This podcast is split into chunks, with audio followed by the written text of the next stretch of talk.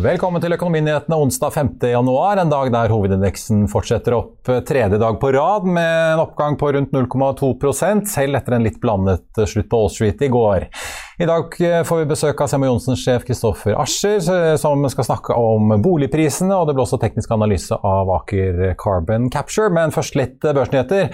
Oljeprisen fikk seg en solid oppgang i går på 1,6% og har steget videre med en halv prosent i dag til ja, 80 dollar og 50 cent omtrent. Forrige gangen vi så nivåer over 80 dollar var i slutten av november, og denne oppgangen kommer etter at OPEC pluss, som altså inkluderer Russland, bestemte seg som ventet for å øke produksjonen med 400 000 fat per dag fra februar måned. Det utslaget har vi også sett i oljeaksjer som Aksjelutions og DNO, som er med på å dra opp hovedindeksen i dag. Det gjør også selskaper som Wow, Kitron og Kahoot mens eh, fornybaraksjen Scatec, Crayon og BV LPG er med på å holde utviklingen eh, på indeksen litt eh, tilbake. Rundt oss i Norden så er det rødt i dag, unntatt av Helsinki, mens det i Europa stort sett er grønt på de store indeksene. Og futuresene på Wall Street peker mot en rød start når markedet åpner der om en times tid. Den store snakkisen i dag er nok oljemyggen Questair, som er opp over 30% til ja, nesten 3 kroner aksjen. Det spekuleres nå heftig i om og hvor mye selskapet kan få i kompensasjon fra den canadiske regionen Quebec, ettersom de ikke lenger vil tillate Questair og andre å utvinne olje og gass i området lenger. Eh, Sparebank1 Markets analytiker Theodor Sveen Nilsen har økt kursmålet på aksjen med 160 og finansdirektør eh, Jason De Silva mener at verdien i selskapet kan 18-dobles med en erstatning, og at den kan være verdt mellom 20 og 40 kroner aksjen. Det er altså rundt tigangeren i hvert fall fra der vi ligger i dag. Men finansdirektøren han lot for øvrig 600 000 opsjoner eh, i selskapet forfalle i juni i fjor, så vi får se hva han gjør videre. Mer om dette kan du lese på fa.no. Vi skal også se litt på passasjertallene til flyselskapet Flyr, som har kommet i morges etter at selskapet i går hadde en ekstraordinær generalforsamling der de altså vedtok en emisjon på 250 millioner kroner. Ser vi på tallene, så endte man altså på 51 551 passasjerer i desember, litt ned fra november. Fyllingsgraden falt også noe fra 54,5 til 47,1% mens enhetsinntekten også gikk noe ned. Og selskapet melder at de altså satte det femte flyet sitt i drift 20.12., og i slutten av året så skal de ha mellom 12 og 18 18 fly i eh, drift. Eh, vi får altså ta med at eh, flysjef Tonje Wikstrøm Frislid sier at det er ganske tydelig at folk reiste mindre enn ventet i julen, grunnet de nye restriksjonene. Selskapet hadde altså 98,3 av avgangene i, gikk som de skulle, men bare 75% av de var i rute, og det skylder de bl.a. på kø i avisningen. Det har jo vært ekstraordinær generalforsamling altså, hvor de vedtok denne nye emisjonen. Eh, aksjen endte jo på 1,70 krone 73 øre nå eh, på siste handelsdag i fjor, og så spratt den opp 11% på mandag og nye 14 i går. Nå har vi fått et kraftig kursfall eh, ned 25% til rundt 1,63 i dag, og det skyldes rett og slett at aksjen ikke lenger handles med rettighet til å være med i emisjonen. Selskapet har jo sagt at den kursen skal settes minst 30% under den volumvektede prisen på dagen da generalforsamlingen ble holdt, og det var jo da 2 kroner og ja, nesten 24 øre. Regner man 30% av det, så er man ned på 1,57. Aksjen handles også rundt 1,62. Nå skal vi over til noe langt mer elektrisk som går så det griner, nemlig elbilladere. Saptek eh, fra Rogaland slapp eh, nøkkeltall for fjerde kvartal i går kveld, og den aksjen spratt opp nesten 14% på det meste i dag. Nå ligger den opp rundt 10% til 66 kroner og 50 øre, og er også en av børsens mest omsatte aksjer. Vi eh, tok en prat med ABG Sundal Colliers Petter Nystrøm, som følger selskapet, for å høre hva tallene egentlig betyr. Petter, eh, takk for at du er med oss. Du, dette selskapet gikk jo på børs her i oktober i eh, nå får jeg si riktig, i 2020, eh, ikke i fjor. Da lå jo aksjen på litt over 10 kroner. Nå er den på rundt 65. Du har en kjøpsanbefaling av kursmål på 95. Hva er det du ser som gjør at du har så stor tro på en stor oppside videre her? Dette er jo et veldig veldig spennende selskap. Det er et selskap som har hatt fantastisk vekst de siste årene. her. Når, når, vi de på, tok de på børs, som du sa, da, i oktober 2020, så var jo da siste fulle regnskapsår så hadde de en omsetning på rundt 150 mill. og Nå nærmer de seg egentlig 500 mill. med tanke på det de da har levert nå i, i fjerde kvartal i 2021. De er eksponert da, mot noen av de sterkeste megatrendene eh, som er der ute. Eh, det å da endre bilflåten fra å være fossil til å bli elektrisk. De selger da det EV-ladere, eh, både til det profesjonelle markedet, som er borettslag og leilighetskomplekser. Men ikke minst også så kom de da i løpet av 2021 med en, eh, en ny forbedret lader rettet da mot eneboligmarkedet. Det er dette her som har dratt salget til, til selskapet så mye uh, de, siste, de, siste, kvartalene og de siste årene. Nå ser vi jo, altså De melder om inntekter i fjerde kvartal på 192 millioner. Det er jo nesten russiske prosenter. Det er en oppgang på 143% Inntekten i mm. hele fjor var ja, som du var inne på, nesten altså 488 millioner. Opp 122% Var det på en måte så mye bedre enn ventet siden aksjen stiger så mye i dag, eller? Ja, altså, jeg tror eh, det var litt bedre forventet. Det er liksom to, to, to tall det kommer med i dag. Eh, det ene er jo da salget som du er inne på, som er 192 millioner. Og så rapporterer de også da registrerte kjøpsordre på 149 millioner. Og, og forskjellen her, det, det, er jo det at eh, disse, det salget de har levert nå, det er også på en måte at de leverer på den order backlogen som de hadde i Q3 og Q2. Og Det betyr at selskapet da ikke har nødvendigvis de, de store, største utfordringene på komponentmangler, og at det er klart å rampe opp produksjonen eh, raskere enn det markedet og vi så for oss. Og Det er jo en confident boost til hele caset.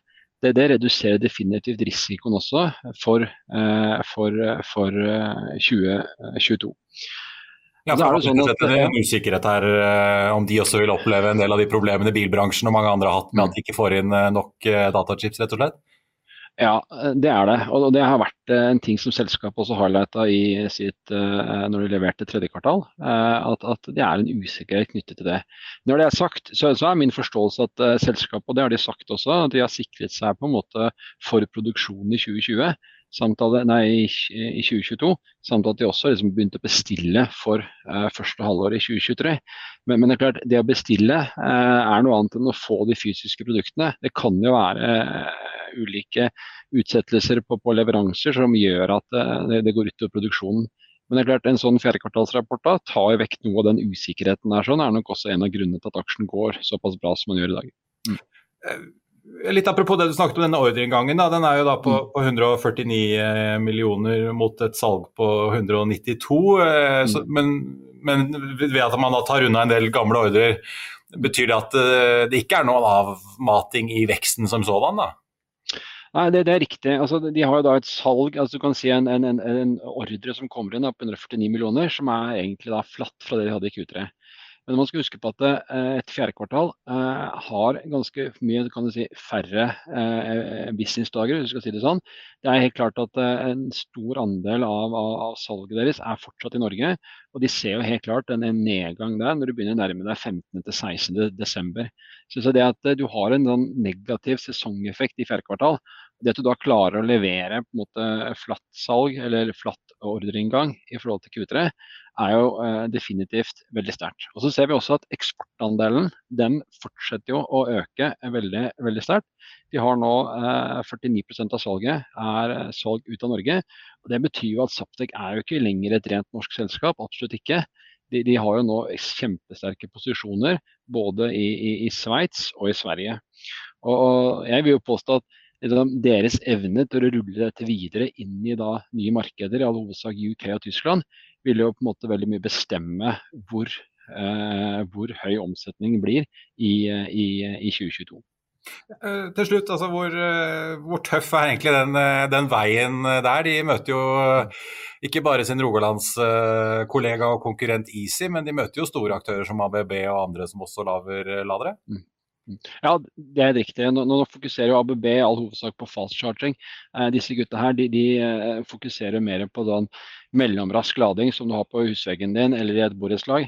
Men det er klart konkurransen er der ute. Eh, men, men, man skal liksom sette det litt i perspektiv. ikke sant? Og det, det er jo fordi at det, eh, du kan ha veldig mange aktører her, for du er eksponert i et marked som, som, som vokser eh, veldig veldig raskt. Eh, du ser det i Europa, du har sett det i Norge i mange år, at elbilen stadig vekk tar en større andel av, av, av, eh, av bilflåten.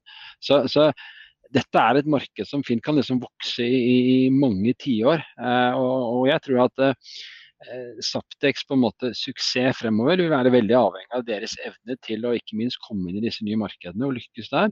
Men, men også liksom klare å kutte kostnader og hele tiden ha, ha et produkt som er konkurransedyktig. Petter Nystrøm i ABG Sundal Collier, tusen takk skal du ha. Så blir det spennende å følge utviklingen. Eh, ingen tvil om at salget i hvert fall foreløpig går unna. Takk skal du ha. Og så får vi ta med at eh, Paretos Carl Jørgen Flaan også har et eh, kjøpsmål på aksjen. Han har kursmål 90. Q4-rapporten fra Saptek den kommer 28.1.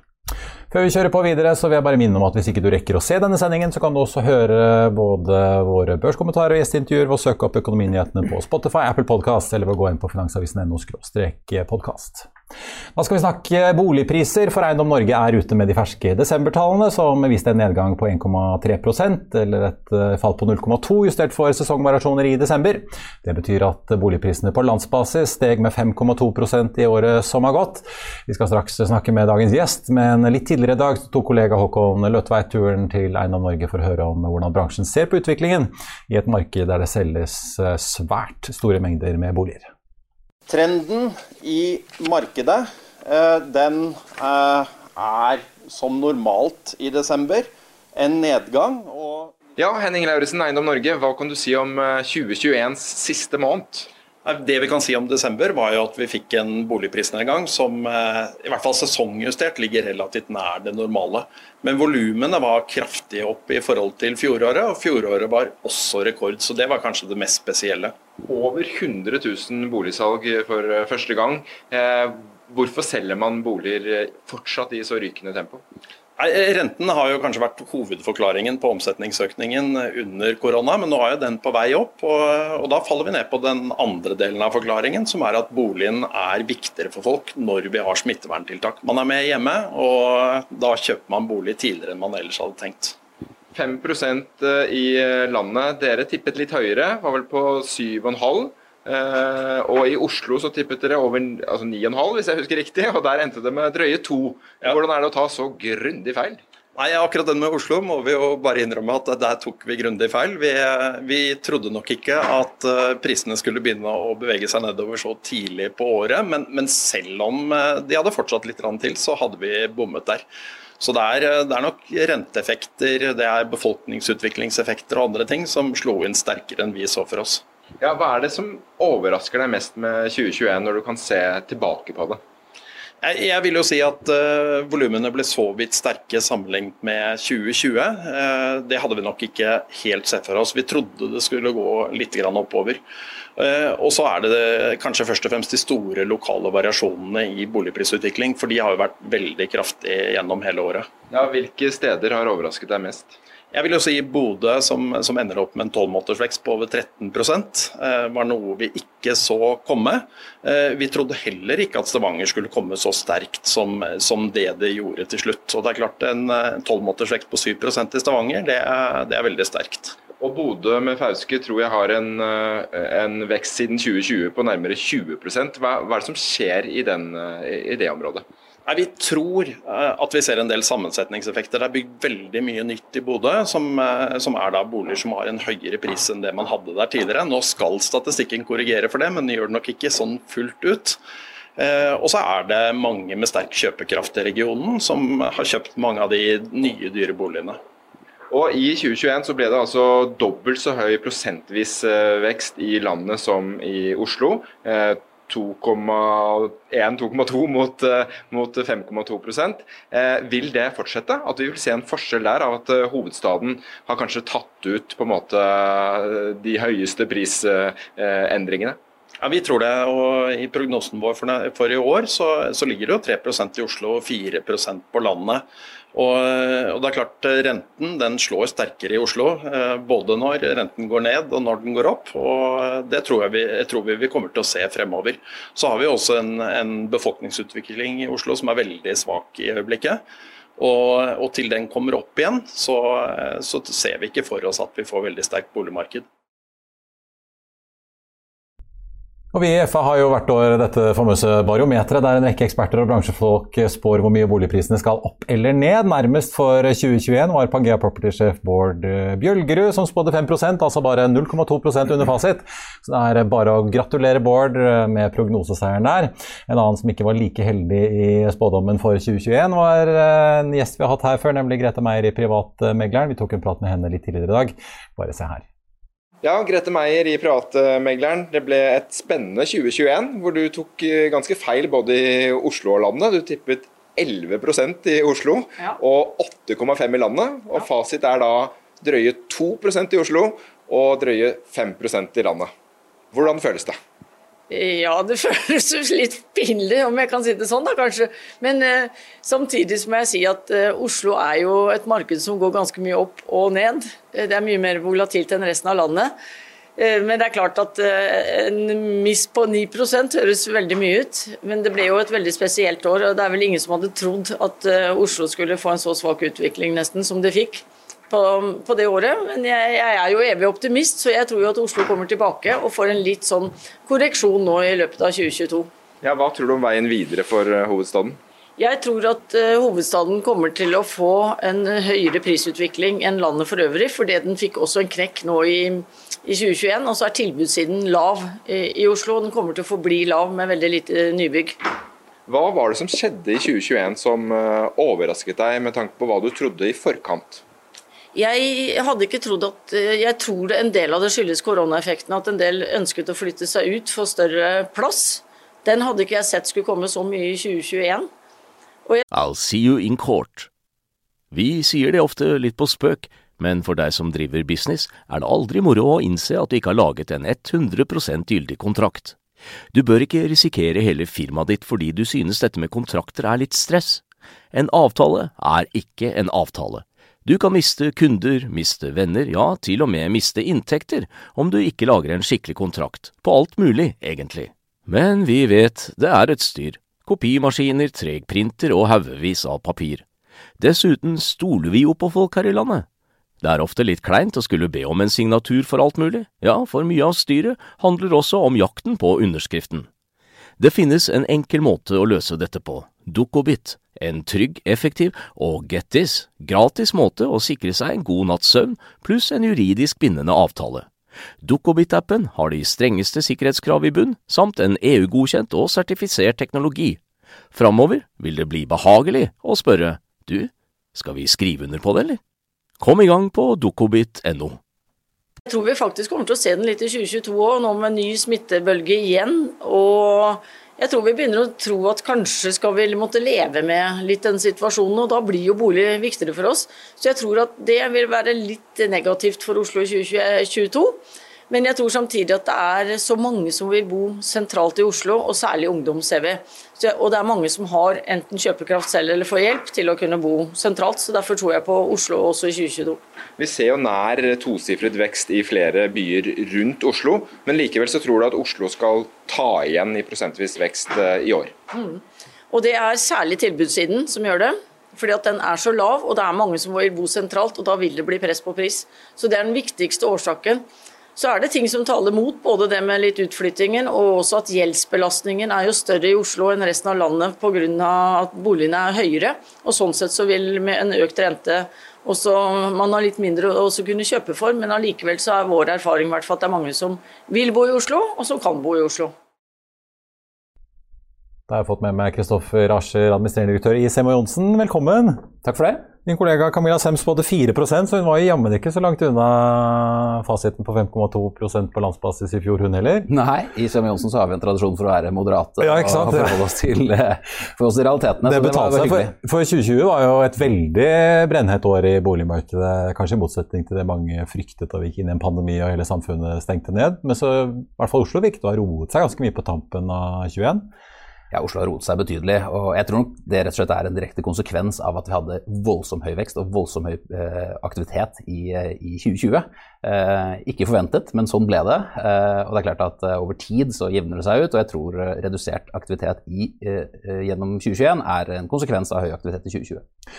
Kristoffer, Hvordan tolker du egentlig det som skjer? Altså, Volumene er jo veldig høye. Det ble, som Henning Lauritzen var inne på her, solgt over 100 000 boliger i Norge i fjor. Det har vel aldri skjedd før. Eh, samtidig som prisveksten er jo, ja, er jo, kanskje over inflasjonen, men det er jo ikke sånn veldig høy prisvekst eh, verken i Oslo eller landet som helhet? Nei, og særlig på Oslo-basis så er jo prisene i realiteten stått helt stille, hvis du regner mot uh, inflasjonen. Så, uh, er det, det en slags sånn balansemarked har funnet siden liksom, det er så mye kjøp og salg uten at det er noe særlig prispress? Ja, nå har jo store volumer vært uh, på landsbasis. det har ikke vært like heftig volum i Oslo. og så er det klart at vi har hatt en, en betydelig, et betydelig salg av nyboliger. Eh, hvis du regner bare Viken og Oslo, så solgte man like mange nye boliger i første halvdel av eh, året i år som i hele 2020. Altså litt over 7000 boliger. Eh, og vi tror det rett og slett er fordi at utbyggerne ser at nå er det et godt marked. Vi vet ikke hvordan verden ser ut som et år eller to eller tre. Og så dytter de på med salgsstarten og får boligene ut i et marked hvor de vet de får solgt. Ja. Så det har påvirket, det har påvirket prisene, men det, eller påvirket volumet, men det påvirker ikke prisene i like stor grad. Nybyggerpremien er jo bare 1000 kroner per kvadratmeter i Oslo nå, og det er historisk lavt. Ja, Sammenlignet med en bruktbolig? Ja. ja. Per kvadratmeter koster det altså 1000 kroner mer i snitt å kjøpe en nybolig enn en bruktbolig. Ja, for vi så Selvåg Bolig var jo ute med sine er børsnotert, så må de jo melde om dette. De var jo ute og snakket om eh, på tilgangsettingstakten. Veldig høy på tampen av 2021. Er det det dere ser også fra de private aktørene som ikke er på børs? Ja, det er det vi ser.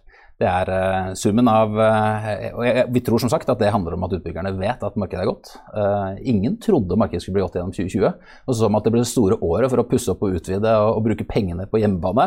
Og dermed så ble det en enorm etterspørsel, og det kombinert med lav rente og redusert rente på det tidspunktet gjorde at vi fikk helt et eksplosjonsartet marked, og dermed så ble volumene høye. Men, men, det får en bumerangeffekt, fordi reguleringstakten er jo så treg at det er ikke bare å hente nye boliger ut, ferdigregulerte boliger. Og det betyr at vi får reduserte volumer, tror vi, i 2022 fra nybyggsiden. Ja. ja vi må snakke litt om året vi står eh, foran. Jeg ser Eiendom Norge spår jo da 3% for Oslo, og 4 for eh, landet. Grete Meier her hun spår 4-4,5 for landet og 5 for Oslo. Hva tror du? Nei, jeg tror at vi får en, en, prisvekst for Oslo som er eh, høyere enn landet. Når man skal spå boligpriser, er det veldig lett å spå med bakgrunn i den situasjonen man opplever i markedet. I hvert fall for oss som er så tett på markedet. og Det så man jo også på eh, de som spådde boligprisen i fjor. Da var det et voldsomt marked, og mange gikk veldig høyt ut. Eh, nå har vi vært gjennom åtte av tolv måneder, ni av tolv måneder har vært boligprisnedgang i Oslo. Eh, det er ingen krisestemning på noe som helst vis, eh, og det er kanskje lett å tro at den effekten fortsetter. Men jeg tror at mye av grunnen til at prisene har gått ned i Oslo, er at veldig mange har solgt sekundærboligene sine.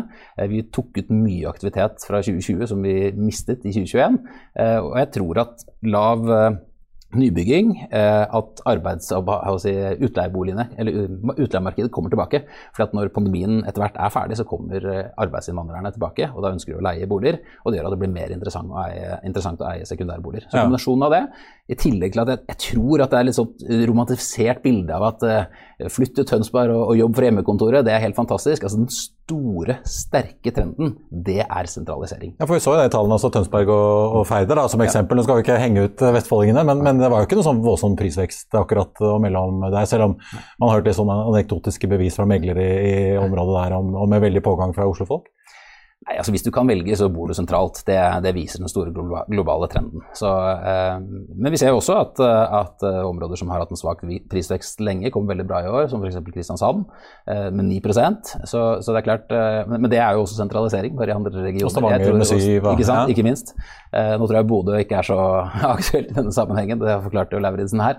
Men, men, jeg tror eh, at sentraliseringen kombinert med at renteeffekten i mye større grad i Oslo er innbakt allerede enn den er på landsbasis. Det tror jeg er mye av forklaringen til at Oslo gikk litt uh, dårligere enn det resten av landet gjør. Vi merker jo at Oslo er en temperaturmåler på markedet. Er det regulatoriske endringer, er det renteendringer, er det si, endringer i makroøkonomien, så får det mye mer direkte påvirkning på Oslo-markedet enn det får på resten av landet. Så jeg tror at vi kommer til å få en større økning på Oslo-basis enn vi kommer til å få på landsbasis neste år. Men jeg tror ikke at Grete Meier bommer så fælt når hun sier 4,5-5 Jeg tror det ligger i den rangen der. Ja. Eh, men det du sier med sekundærboliger, eh, hvor mye har det økte skattetrykket på sekundærboliger å si, eh, tror du, versus selve utleiemarkedet? Nei, det, er, det, er, og disse arbeidsinnvandrerne? ja, det er vanskelig å si det. For det har jo blitt ganske mye dyrere å eie en sekundærbolig. Definitivt. Og så er det to grunner til det. ikke sant? Det er jo, det, det er jo skattetrykket, men det andre er jo at uh, arbeidsinnvandrerne ikke lenger har, ikke har vært i markedet, for de har ikke vært her. Eh, så, så det er vanskelig å si hva som er hva. Eh, men vi ser jo at sekundærboligandelen eh, i bydel Frogner, da, som er den bydelen med høyest sekundærboligandel, har gått fra 30% og betydelig ned. Jeg tror den ligger på ca. 23 sånn det er, det, det har, de, de, som skulle selge sine sekundærboliger, de har solgt sekundærboligene. Og Så kan det godt være at ikke, at ikke, det, at ikke man i så stor grad øker, kjøper flere, men det de kommer færre boliger inn i markedet når, når, når man måte, er ferdig å selge sekundærboligene. Ja. Og At arbeidsinnvandrerne kommer tilbake, og at de ønsker å bo sentralt, og at de ikke har økonomi til noe annet enn å leie i, sånn, i, i det store, det er jeg ganske sikker på. Så jeg tror at etterspørselen etter, etter leieboliger kommer til å øke. Eh, og det kommer til å gjøre eh, sekundærboliger mer attraktive, på tross av at man har fått hardere beskatning. Og det er jo verdistigningen, ikke sant? det er jo ikke direkteavkastningen som motiverer boliginvestorer på Frogner, det er jo eh, verdistigningen. Ja. ja. Ja, Det er liksom ikke selve utleien du blir så rik av? Nei, altså, Ola Nordmann syns jo at det å ha penger i en, en, en, bolig er trygt. Det er håndfast. Du vet at pengene dine står der. Eh, og, og, man har en, en, tradisjonelt sett hatt en, en sterk prisvekst i eiendom. Og det tror jeg Ola Nordmann tror at vi fortsatt kommer til å ha. Det har jo vært veldig mye diskutert denne hjemmekontoreffekten, og litt apropos huset med hage i Tønsberg. men er det noen områder hvor vi ser virkelig at uh, det slår ut at uh, folk vil ha litt mer plass, og plass til å faktisk ha et hjemmekontor og kanskje et treningsrom inne når de ikke kan dra på Sats eller EVO for å trene? Liksom typ altså Lillestrøm, Vestby, Ski, Asker og Bærum, de som er litt nærmere enn typ da, Tønsberg eller Fredrikstad? da? For det første så er det sånn at Vi har hatt, uh, hatt, endring i befolkningstilveksten i Oslo. Men det er ikke noe nytt at barnefamiliene flytter ut av Oslo. Det har de gjort, i, det gjort, lenge, man, ja. gjort siden 50-tallet. Man kommer inn som student, og så finner man en mann eller en dame. og Så får man noen barn, trenger mer plass uh, og har muligens ikke råd til å bo i Oslo eller ønsker å flytte nær familie, og de flytter ut igjen. så Det er helt vanlig. Så Det som har den, hatt den største påvirkningen på befolkningsveksten i Oslo, den reduserte befolkningsveksten, det er arbeidsinnvandringen. Ja. Uh, så, det, så det har ikke hatt en veldig stor betydning. Men vi er jo veldig spent på, det er en av de tingene vi er mest spent på, det er jo de varige effektene av, av det å ha hjemmekontor. Eh, for det betyr jo implisitt litt lavere etterspørsel etter kontorarealer og litt større eh, etterspørsel etter eh, arealer hjemme i huset ditt. Så jeg tror at det kan ha en påvirkning på boligmarkedet med at trenden er at folk etterspør mer plass. Og så blir jo kanskje jokeren om disse polakkene og tyskerne og svenskene kommer tilbake til Norge, da? Eller om de mener de har nok å gjøre og får godt betalt hjemme? Ja, Om ikke det er uh, polakkene, så finnes det jo flere land i verden som, som anser Norge for å være fin, et fint sted å, å, tjene penger uh, for seg og sine hjemme. Eh, en viktig endring som kommer i år, er jo at man ikke kan selge som det er, eller as lenger. Hvor, tror, hvor, stor tror du reell effekt blir av det? Er det liksom mest at flere kommer til å kjøpe forsikring, eller? Nei, nå er det sånn at Nesten 90% av de som, kjøper, som, selger bolig, tegner forsikring. Eh, og rundt 70% av kjøperne tegner forsikring. Så det er ekstremt mange som gjør det fra før. Så jeg tror ikke den effekten kommer til å bli veldig stor. Nei. Eh, jeg synes det er litt synd at eh, lovgiver ikke klarte å gå, gå til problemet. Utfordringen i i eh, bolighandelen er at konfliktnivået er høyt, men, men man er i skyttergraver. Er, man krangler hele tiden om hvem som har skylda, hvem har ansvaret. Er det kjøper eller er det selger? Nå flytter man litt på grensene, men er fortsatt i en slags skyttergravsposisjon hvor man må definere hvem er som har skylda. I Danmark har man gått inn til og heller sett at vi lager felles forsikringer som løser selve problemet, eh, og ikke krangler om hvem som har skylda. Så jeg, jeg, tror at denne eh, nye loven helt i starten kommer til å faktisk å medføre et litt økt konfliktnivå, fordi at man er usikre på, på effekten av hvor grensegangene går. Uh, over tid så håper jeg og tror at det medfører et redusert konfliktnivå. Men jeg kan si så mye at, som at jeg har vært i bransjen i ja, par og 20 år. Og når jeg begynte, så var prospektet på fire sider. Uh, nå er det på 100, 48, eller uh, 140. ja. Og konfliktnivået har ikke gått ned. Så mer dokumentasjon alene, det skaper ikke færre konflikter. Så jeg er, jeg er, litt skuffet over at det ble som det ble, men nå får vi håpe at det blir færre konflikter, for at det fortjener Åland Nordmann. For det er ikke noe hyggelig å være i en boligkonflikt. Nei, vi får se. De har jo blitt like lange som prospekter til emisjoner på børsen. Eh, Eh, til slutt eh, tenkte jeg å høre med deg litt eh, om på en måte butikken dere driver selv. For dere har jo også gjort et ganske stort grep. Dere skal legge ned alle kontorene og samle dere på, på ett sted i Oslo. Da. Fortell litt om altså, den ideen. Når kom den, og, og hvorfor dere har valgt å gjøre dette? Vi har noen av Norges dyreste og flotteste meglerkontorer rundt på Frogner, i Vika og, og, og, og flere andre steder. Det er fin reklameplass i gatebildet, da. Ja. Men vi må jo i all ærlighetens navn si at der har det ikke kommet inn en eneste kunde på over ti år. Kundene, eh, eller møteplassen som en eiendomsmegler har med kundene sine, er ikke på meglers kontor. Det er hjemme hos eh, enten boligselger eller boligkjøper. Så, eh, og vi opplever jo at det er veldig mange år siden våre kunder forholdt seg til hvor vi hadde kontorer. De forholder seg til hvor vi arbeider, og det er der de møter oss. Så våre kunder de møter oss på visning, og det er der kontakten oppstår. Og kanskje etter hvert som mer og mer av selve liksom, papirarbeidet blir digitalisert også, så er det enda mindre behov for å komme inn på kontoret? Definitivt. Kontraktsmøtet ble avskaffet når korona kom, og det er ikke blitt gjeninnført. De gjøres 100% digitalt. Vi opplevde jo i mange år før korona at folk spurte oss når vi kom til selve kontraktsmøtet, som jo er i avslutningen av prosessen, hvor er det du egentlig sitter? Og dermed så har boligselger og boligkjøper ikke forholdt seg til det. Men det er en ting som er mye viktigere, og det handler om kultur. Når du har eh, meglerkontorer hvor folk er på hjemmekontor eller på befaring eller på visning eller ute, så er de ute i felt. Det er vanskelig å skape kultur når folk er ute i felt. Eh, og folk kommer til å være enda mer på hjemmekontor enn det det har vært før. Og det å da samle mange mennesker for å kunne lage en, en bra kjerne og lage kultur, og lage en fin samgangsplass hvor folk kan komme inn og hente, bli inspirert, bli motivert, eh, hvor vi sammen kan skape litt andre resultater enn hvis man sitter én og én på hver sitt meglerkontor. For det er realiteten det som skjer. Ja, Så det er litt indremedisin, rett og slett, organisasjonsbyggingen dere tenker på? Definitivt. Ja. Så når vi lanserte dette første gang i 2017, fikk vi mange kritiske kommentarer fra våre bransjekolleger. Men du kan jo ta deg en liten kjøretur rundt nå på Frogner eller på, på hvor som helst i byen, og så kan du legge merke til hvor mange meglerkontorer det faktisk er lys i. Det er ikke mange. Det er ingen mennesker der. Nei, hva, men litt apropos den, eh, Hvis disse kontorene i praksis har fungert som en reklameplakat, hva gjør dere da når dere skal samles eh, et sted nedi eh, så vidt jeg skjønner, det nye fancy Via-bygget i Vika? Eh, skal dere da begynne med annen type annonsering for å være synlige i markedet? Ja, Vi skal ikke begynne med det, for det har vi holdt på med i mange mange år. Ja. Så det er klart at det å fjerne en reklameplakat det vil Eller altså bruke de pengene dere sparer, da, på en måte. Ja, ja det, det, det, er riktig. Vi, vi har satset i veldig mange år på utstrakt digital reklame, og det er jo åpenbart fremtiden. Så så er klart Vi øker reklamebudsjettene våre noe for å kompensere for at vi er litt mindre tilstedeværende der de kontorene våre har vært. Men, men, folk forholder seg som sagt ikke til hvor våre kontorer er, de forholder seg til hvor de boligene vi selger er. Ja. Og det endrer seg ikke meglerbransjen uh, følger etter bank og Eller bankfilialen, måtte jeg på å si. Det er ikke så mange av de heller.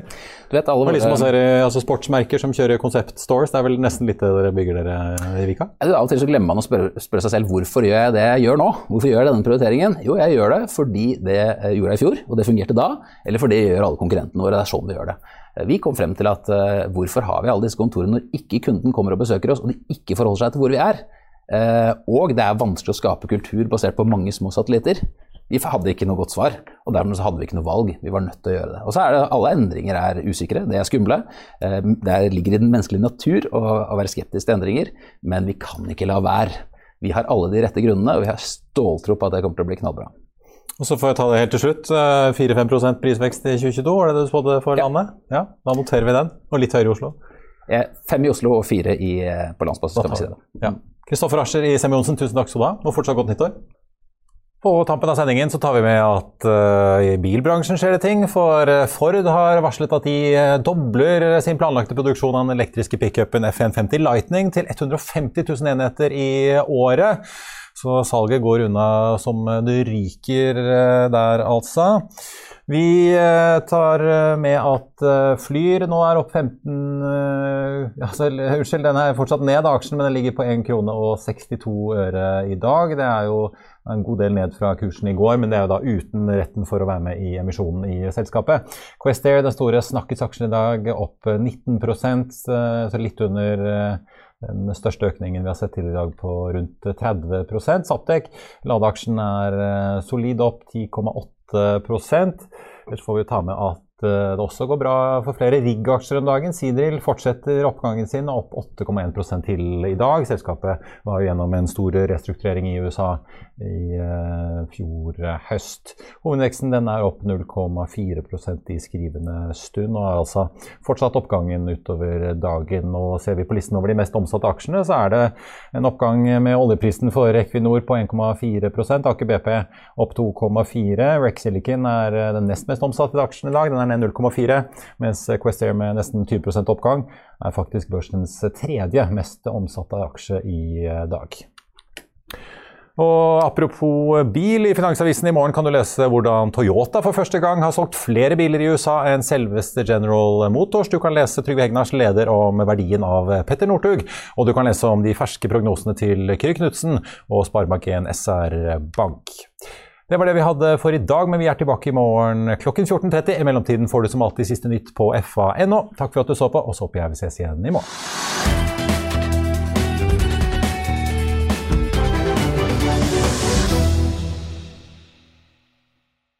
Økonominyhetene er en podkast fra Finansavisen. Programledere er Marius Lorentzen, Stein Ove Haugen og Benedikte Storm Bamvik.